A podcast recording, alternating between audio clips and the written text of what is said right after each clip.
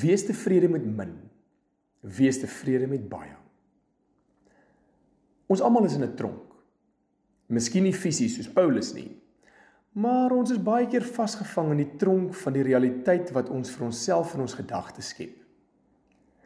Het jy al agtergekom as jy in die winkels ronddwaal dat jy altyd iets sal vind wat jy nie geweet het jy nodig het nie? Dis asof winkels 'n gedagte van dinge van moet hê in jou brein kom plant.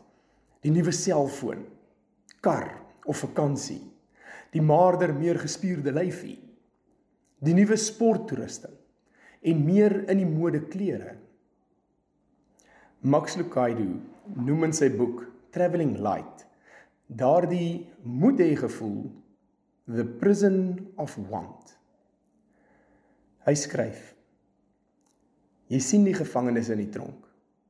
Hulle het groot begeerte. Hulle het wel nie veel nodig nie.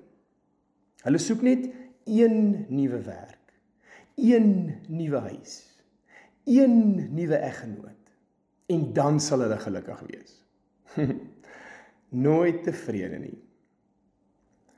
Ons is in hierdie tronk van onvergenoegdheid van ons geboorte af. Ons word heeldag gebombardeer met boodskappe om nog te wil hê en alles omdat ons vergelyk. Maar dikwels met die verkeerde mense.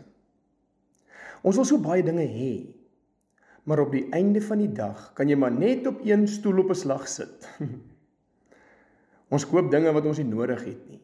Met geld wat ons nie het nie.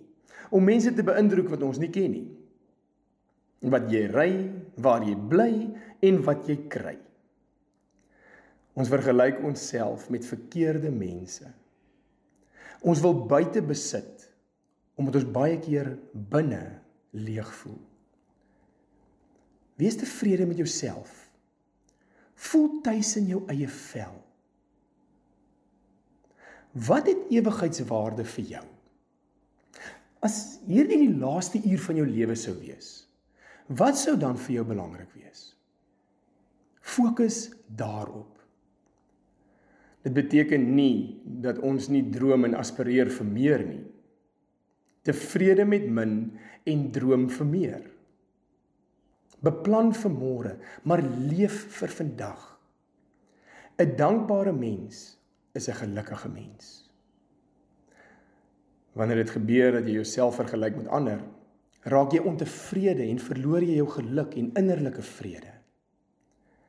As jy jou wil vergelyk met iemand, vergelyk jou na onder. Na iemand met minder as jy. Nie na bo. Nie die wat meer het as jy nie. Baie mense bid baie keer vir dit waaroor jy kla. Wees dankbaar sonder om te vergelyk. Aspireer eerder om in jou menswees toe te neem en te groei, eerder as in jou besittings. En net op daardie punt. Die probleem is nie as jy geld het nie, die probleem is as die geld jou het. Janie Du Plessis sing in sy lied: Eenvoud is die vreugde van die lewe. Dis gee en neem net wat daar is. Dis dankbaar eet van elke skewe snytjie brood wat liefde is. Geluk is nie om te kry nie. Geluk is nie om te kry wat jy wil hê nie, maar eerder om tevrede te wees met wat jy het.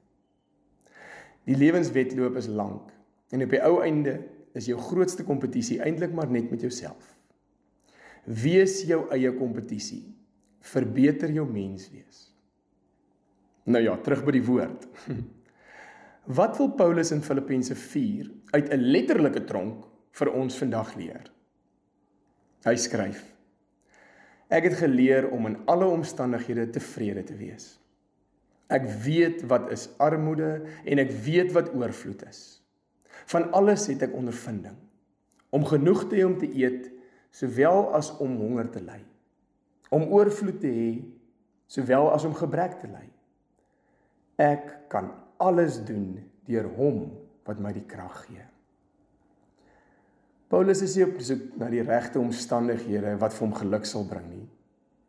Hy is tevrede waar ook al hy is. Paulus gebruik 16 keer in hierdie brief die woorde vreugde of verbly of verheug. Want dit is tevredenheid. En deur genade is dit 'n keuse. John Piper het eendag gesê God is most glorified when we are most satisfied in him. Nou maar wat kan jy doen om tevrede te wees? Eerstens pause. As jy ongelukkig is met iemand of iets, moet jy stil staan. Haal diep asem en soek iets om te waardeer in daardie persoon of situasie. Tweedens hou op om goed te koop wat jy nie nodig het nie. As jy die behoefte het om iets te koop, dink dan aan dit of dit 'n gier is of 'n noodsaaklikheid. Derdens beoefen dankbaarheid en waardeer mense. Miskien kan jy met 'n dankieboek begin. 'n Joernaal wat jy naby hou en kort kort aanvul. Die groen gras op die sportvelde. Die son wat deur die blare skyn. Die glimlag van 'n seun en die verstaansoë van 'n pa. Vierdens leer om eenvoudige dinge te geniet wat nie geld kos nie. Betekenisvolle gesprekke. Stap in die natuur. Lees 'n goeie boek. 'n Reis na die strand. En laastens leef in die oomblik. Moenie geluk uitstel deur te wag vir 'n dag wanneer jou lewe minder besig of minder stresvol is nie. Daardie dag mag nooit aanbreek nie. Konsentreer op die positiewe van vandag eerder as om stil te staan by die verlede of jou oor die toekoms te bekommer. Deur genade is die ontevrede tronkdeure oopgemaak. Gaan leef in tevrede vryheid.